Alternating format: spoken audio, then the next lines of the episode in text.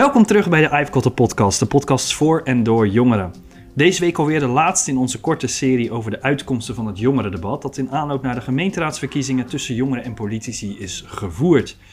Uh, die laatste ronde ging over gezondheid en de vraag of dat het voorkomen van fysieke en mentale gezondheidsproblemen niet meer aandacht moet krijgen dan het achteraf behandelen. Uh, dat gaan Lila en ik vandaag bespreken met Rut, Christophe en Laisha. Welkom allemaal. Uh, hoe gaat het? Goed. Ja? Ah, goed. Ah, mooi. zijn jullie het eens, oneens met de stelling? ja, ik denk dat het belangrijk is om het zoveel mogelijk ehm, proberen te voorkomen. Maar dat er ook zeker op gefocust moet worden dat de mensen die zich daadwerkelijk al ingeschreven hebben of op een wachtlijst staat, staan, dat daar ook echt wat mee gedaan wordt. Dus de mhm. mensen die daadwerkelijk in de jeugdzorg zitten. Want vaak zie je dat het een soort draaideur is. Als ze eenmaal in de jeugdzorg of de GGZ uh, terechtkomen, dan blijven ze terugkomen. Ja. En ja, dat is dan niet meer te voorkomen, maar dat, uh, daar moet natuurlijk ook wel gewoon voldoende aandacht naartoe. Uh.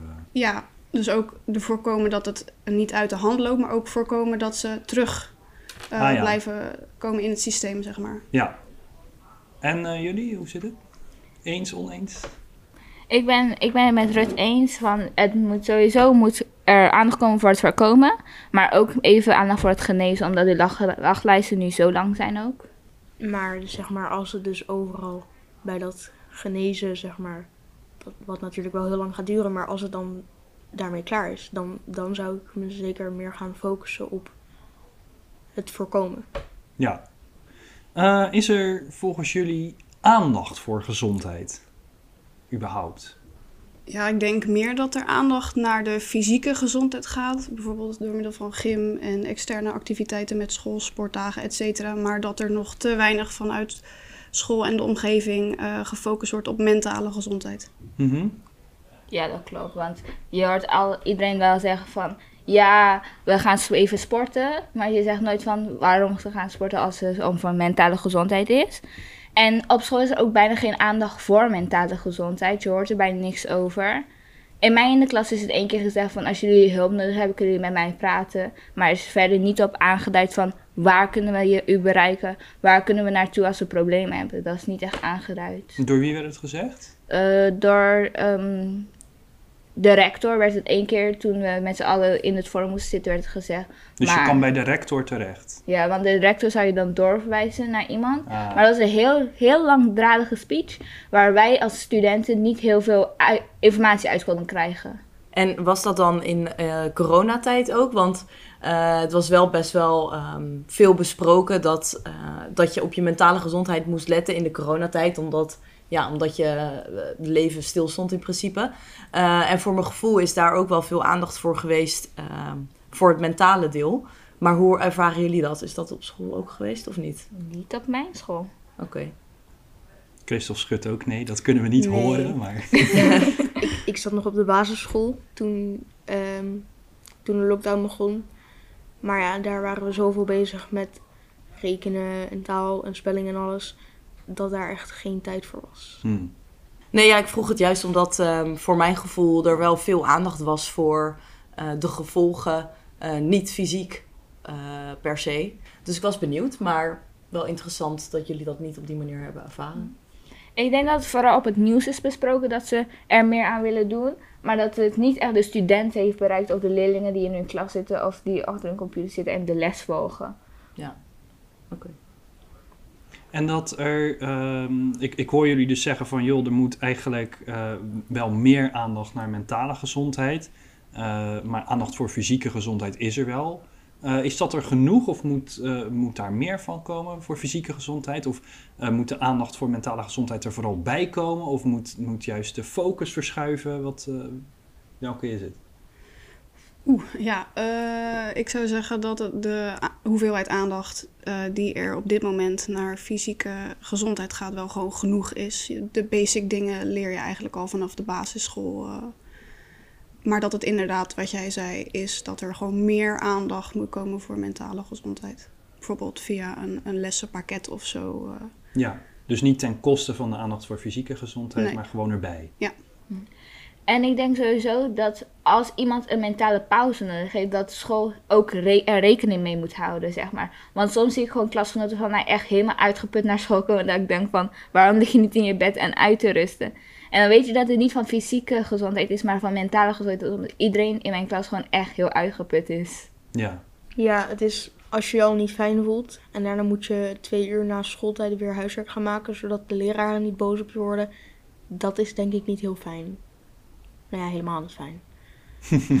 nee, nee, inderdaad. Het is eh, een beetje, beetje lastig om dan nog ook gewoon aan jezelf eh, te werken, zeg maar. Ja. Oké. Ehm, nou ja, er zit nu natuurlijk net weer een nieuwe gemeenteraad. Eh, we hebben het debat gevoerd met, de- met de politici. Die hebben allemaal goed naar jullie geluisterd. Hopen we. Eh, waarvan zouden jullie nou eigenlijk graag willen dat de gemeente er de komende raadsperiode echt meer aandacht voor heeft als we het over gezondheid hebben? Ik denk dat er meer geluisterd moet worden naar mensen die echt ehm, in het systeem van de GGZ of de jeugdzorg zijn. Dat er meer eh, mogelijkheden komen dat hun met eh, instanties kunnen praten. Zodat de gemeente ook weet wat er gaande is eh, binnen de lokale gezondheidszorg. Zeker ook voor jongeren. Kijk, ook niet voor ouderen en zo, maar ook vooral voor jongeren. Want wij zijn toch wel de toekomst van Nederland. Ja, en had jij het idee eh, tijdens dat debat dat ze al een beetje wisten wat er gaande was, of juist dat ze dat helemaal niet hadden? Nou, echt totaal niet eigenlijk.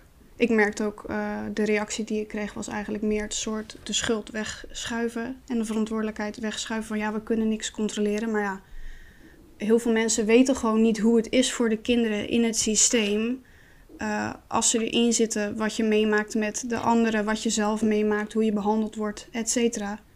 Ja, daar, moet wel gewoon, daar moeten ze echt wel meer mee bezig zijn, vind ik. En er werd niet echt eh, initiatief getoond tijdens dat debat om te denken aan een oplossing daarvoor. Mhm. Ja, ze zeiden vooral van dat is niet aan de gemeente, geloof ik, toch? Ja, klopt. En ehm, ja, een van de vervelende dingen van een verminderde mentale gezondheid, eh, of niet zo lekker in je vel zitten, eh, is dat het niet zo zichtbaar is. Eh, en dat wordt nog versterkt doordat mensen er om de een of andere reden niet zo over willen of durven praten. Hè, toen ik jullie net aan het begin vroeg hoe gaat het, was het antwoord zoals ja, altijd eigenlijk wanneer die vraag zo casual wordt gesteld. Ja, goed.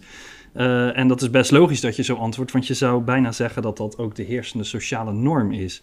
Maar het echte antwoord zou natuurlijk best wel iets anders kunnen zijn. Eh, en nou gaan we jullie natuurlijk niet voor het oog eh, of oor van de wereld helemaal doorlichten of zo. maar stel nou dat het eigenlijk helemaal niet zo best gaat, heb je dan wel mogelijkheden om daarvoor uit te komen? Bij mij op school of thuis of overal eigenlijk niet. Het is ehm, heel lastig om bij ons op school eh, ja, iemand te zoeken om mee te praten. Maar ik denk ook dat het. Ik vind het altijd heel raar, want jij voelt je niet lekker in je vel. Maar school gaat gewoon door en je moet gewoon alle les volgen en alle huiswerk maken. En dat is denk ik ook het lastige om aan jezelf, zeg maar, te denken.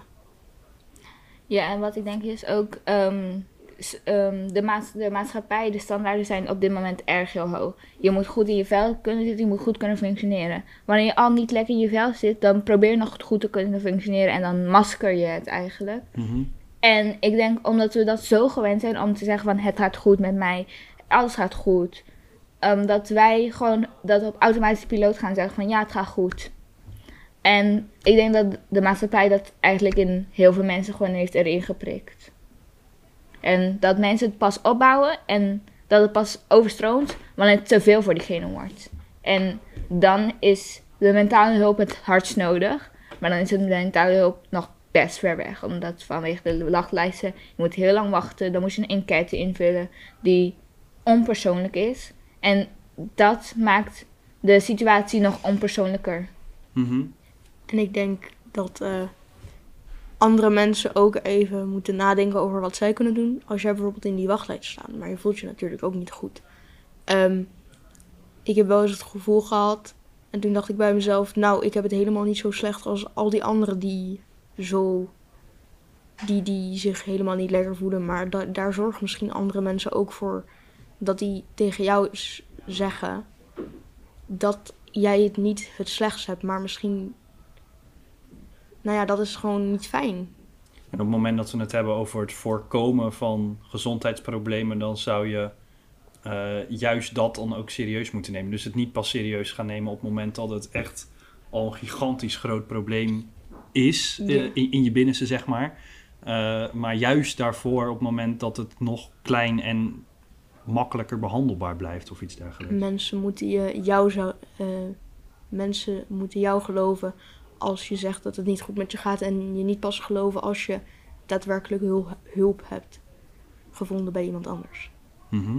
En eh, kan het ook liggen aan eh, ja, je eigen persoonlijkheid? Als ik bijvoorbeeld naar mezelf kijk, ik ben niet iemand die eh, zo aan de grote klok zou hangen als er iets is, of überhaupt mijn ja, levensverhaal zou vertellen, zeg maar. Dus eh, in die zin wordt dat voorkomen stukje best wel lastig, want ik zou niet mijn verhaal met iedereen willen delen. Ehm, hoe kijken jullie daar tegenaan? Ik denk vooral dat het lastig is voor veel mensen om over hun emoties te praten, omdat ze gewoon niet weten hoe ze over hun emoties moeten praten of hoe ze moeten beschrijven wat ze voelen. En dan zijn gesprekken met mensen heel lastig. Als iemand vraagt van, wat voel je? Ja, ik weet niet wat ik voel. Ja, Ja, maar ook stel je zou wel weten hoe je je voelt, maar ja, je hebt gewoon niet per se de behoefte om dat te delen met die persoon die dat op dat moment aan jou vraagt. Dan zou je dus eigenlijk willen dat je bij iemand anders bent. Waarmee je wel kan praten, bedoel je? Toch? Ja, ja. Meer van eh, sommige mensen, ja, daar hoef ik niet alles mee te delen of zo. Ja, ja. Eh, en in, op die manier, als dat bijvoorbeeld op school is, eh, wordt het, zou het best wel lastig kunnen worden om bijvoorbeeld aan je leraar of zo op tijd aan te geven dat er iets is, zeg maar. Ja, dat, ja. dat bedoel ik meer. Ehm, dus ik was benieuwd ja, hoe jullie daarover denken. Of jullie dat ook op die manier zien, of juist heel anders. Of... Ah, ik denk wat jij zegt, dat, dat karakter best wel een grote rol daarin speelt. Ik had dat zelf aan het begin ook toen het minder met mij ging. Eh, van ja, ik eh, heb gewoon helemaal geen zin om het er ook over te hebben. Want ja, dan confronteer je jezelf ermee, dan wordt het echt. Maar ik denk dat ook een ander probleem, dat is er niet direct misschien aangerelateerd. Maar ja, hoe herken je het bij jezelf? Omdat er dus niet veel aandacht naartoe gaat, vind ik dan. Op relatief weinig aandacht gaat er nu naartoe. Eh, daardoor herken je het misschien ook minder zelf, snel bij jezelf. Dat er daadwerkelijk iets mis is. Ja. ja, dus dat je eigenlijk niet echt beseft op dat moment dat er, ja, dat er iets met je aan de hand is eigenlijk. Ja, Ja, dat je het überhaupt niet door hebt. Je leeft een soort, je leeft in je eigen wereld. En je kan niet zien wat iemand anders denkt. Dus ja, ik dacht zelf van ja, oké, dit is gewoon hoe het hoort te zijn. Dit Ja. is gewoon het leven. En eh, totdat ik het op een gegeven moment van anderen hoorde, en toen dacht ik, hmm, die staan er toch wel iets anders in dan ik. Misschien is dit niet helemaal de norm, zeg maar.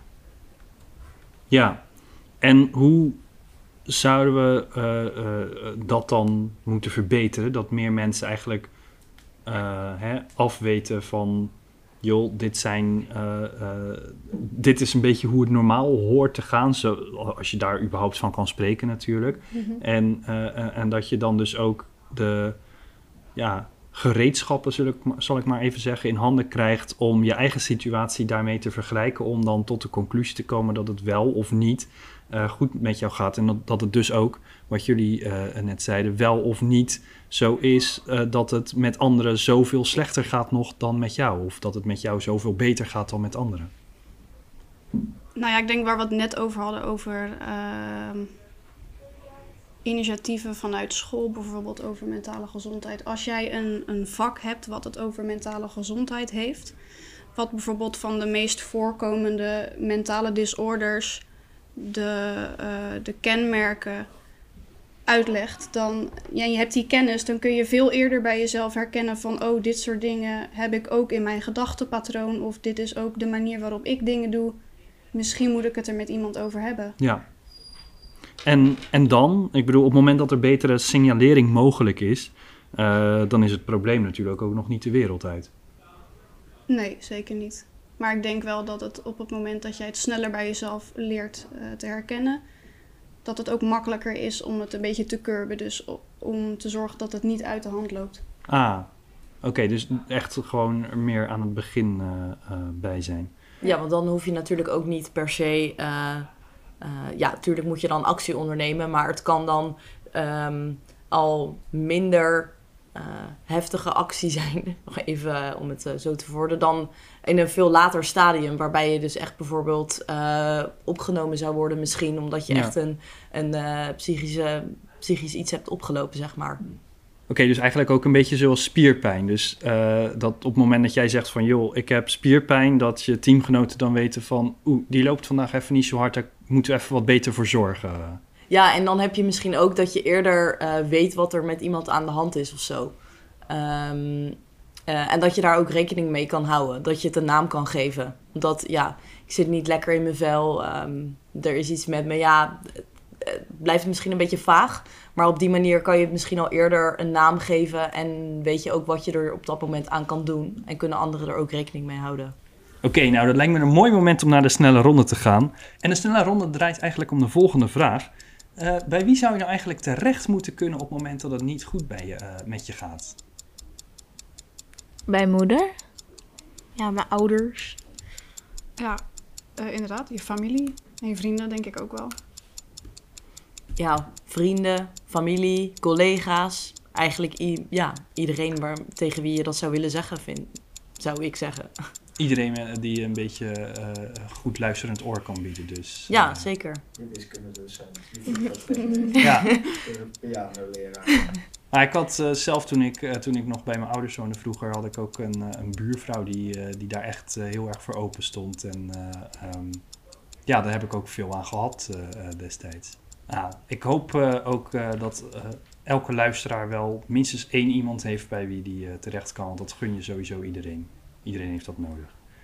Eh, nou hoorde ik een van de politici bij dat debat ook zeggen dat een, eh, eh, mogelijke oplossing wat haar partij betreft ook ehm, meer professionals op scholen is. Hè? Dus jij hebt het, Rut, over, over een lespakket gehad waarin je dan dus ehm, hè, voor, de, voor de meest voorkomende aandoeningen, dat je daarvan eigenlijk te horen krijgt van wat zijn daarvan dan de, de signalen, zo gezegd. Maar ik kan me voorstellen dat het voor de gemiddelde huistuin- en keukenbiologiedocent, m- als dat tenminste bij biologie hoort, want ik zou om te beginnen al niet precies weten bij welk vak je dit zou onder moeten brengen, maar misschien wat lastig is.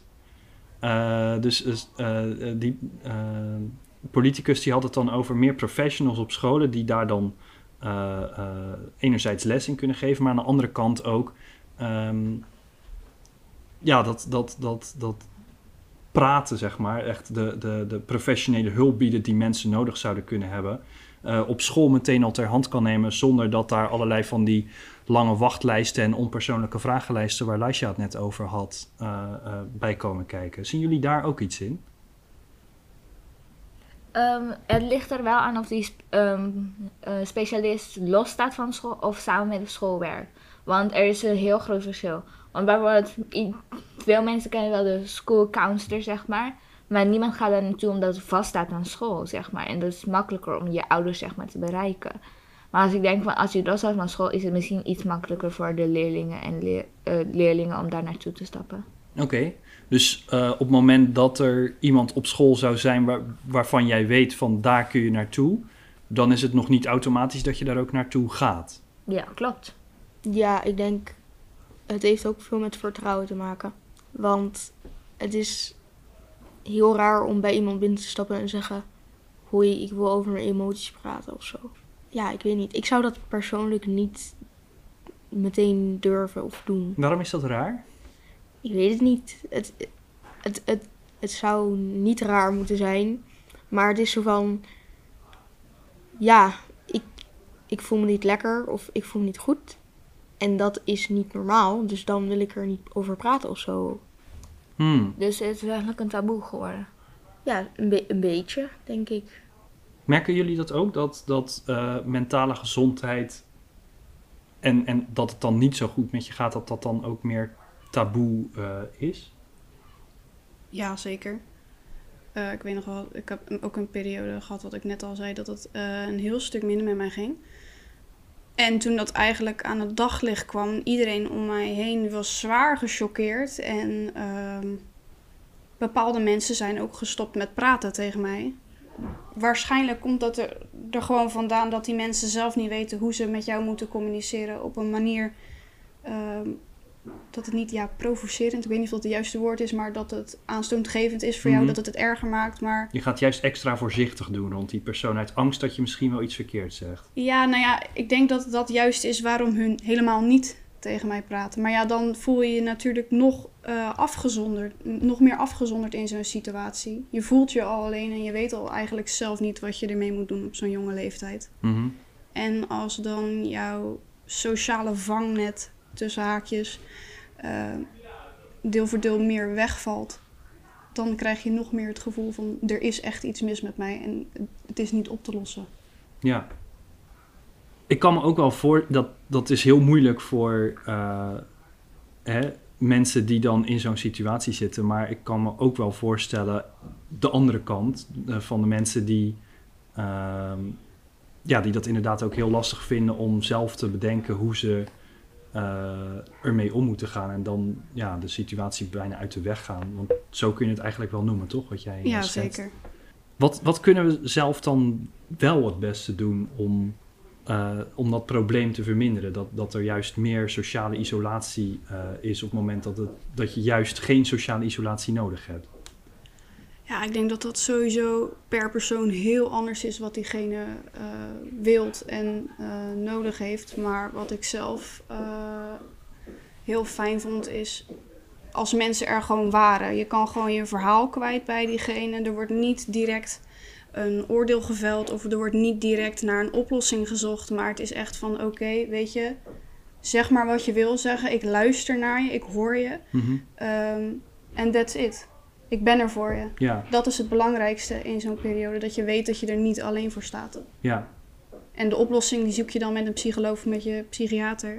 ja, precies. Want ik denk dat daar ook een, een deel van, eh, van het probleem zit. Tenminste, op het moment dat ik, dat ik dan bij mezelf even te raden zou gaan. Op het moment dat iemand bij mij komt met een probleem, dan wil ik dat oplossen. Dat schijnt een heel, eh, heel bekende hoor. reflex te Ja, zijn. ja. Maar het is natuurlijk precies wat, wat, ja, waar ik helemaal niet toe in staat ben eigenlijk. Eh, eh, omdat je daar toch eh, ehm, ja, heel wat meer vaardigheden voor nodig hebt dan die ik zo van nature bezit. En dat, dat, dat zal voor veel mensen een beetje een reflex zijn, denk ik. En, en die moet je dus eigenlijk zo snel mogelijk kwijt.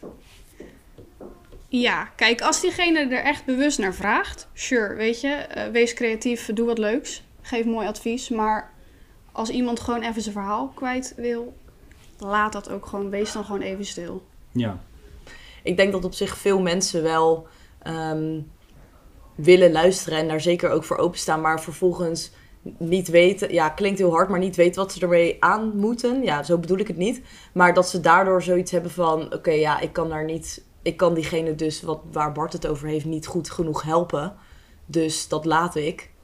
Ja, En daardoor heb je natuurlijk wel dat het voor jou nog meer isolerend is. Eh, maar tegelijkertijd denk ik dat we ook moeten kijken naar hoe, hoe je er dus mee om kan gaan als jij ja, wel diegene zou willen helpen. Of het verhaal aan zou willen luisteren. dat zou wellicht ook wel in dat lespakket eh, een plekje moeten kunnen vinden dan. Ja, maar niet dat je niet weet hoe, dat, hoe je dat moet doen. Mhm. ja en ik denk dat het ook belangrijk is om dan ook, zeg maar, te leren aan eh, die kinderen van... Je, je, mag voor jezelf, moet je ook grenzen stellen, zeg maar. Je bent je eigen prioriteit, dus je moet alleen iemands verhaal aanhoren op het moment dat jij daar zelf ook mentaal stabiel genoeg voor bent. Want het moet natuurlijk niet zo zijn dat je uit goede bedoelingen iemand helpt, maar dat je er zelf vervolgens mentaal dusdanig van je stuk gebracht bent, dat jij eigenlijk ook niet meer optimaal functioneert. Dat er twee mensen zijn met een probleem in Ja. plaats van maar één. Ja. Ik denk dat daar een beetje een middenweg eh, tussen gevonden moet worden. En om dat soort eh, gezondheidsklachten, zoals we het uiteindelijk dan toch ook wel best kunnen noemen, eh, te verminderen, wat, wat, wat moet er dan eigenlijk nog veranderen?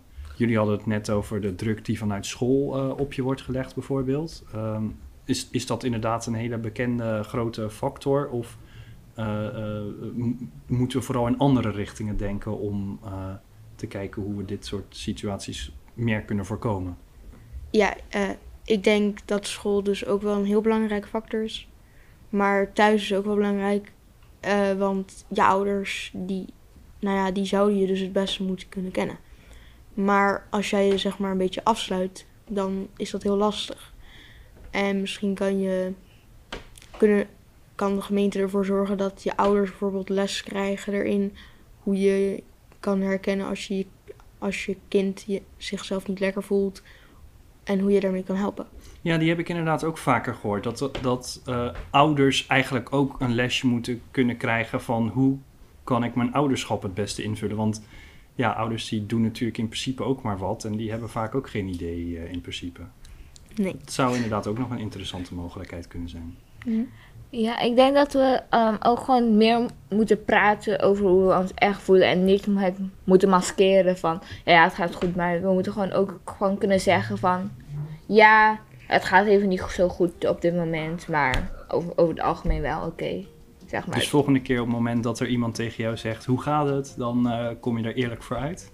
Ja, Oké, nou, dat lijkt me sowieso. eh, nou, dan zou ik zeggen dat dat het eh, een mooie conclusie is van de podcast. Ehm, voor degenen die het interessant vonden om hem eh, te horen, geef even een hartje.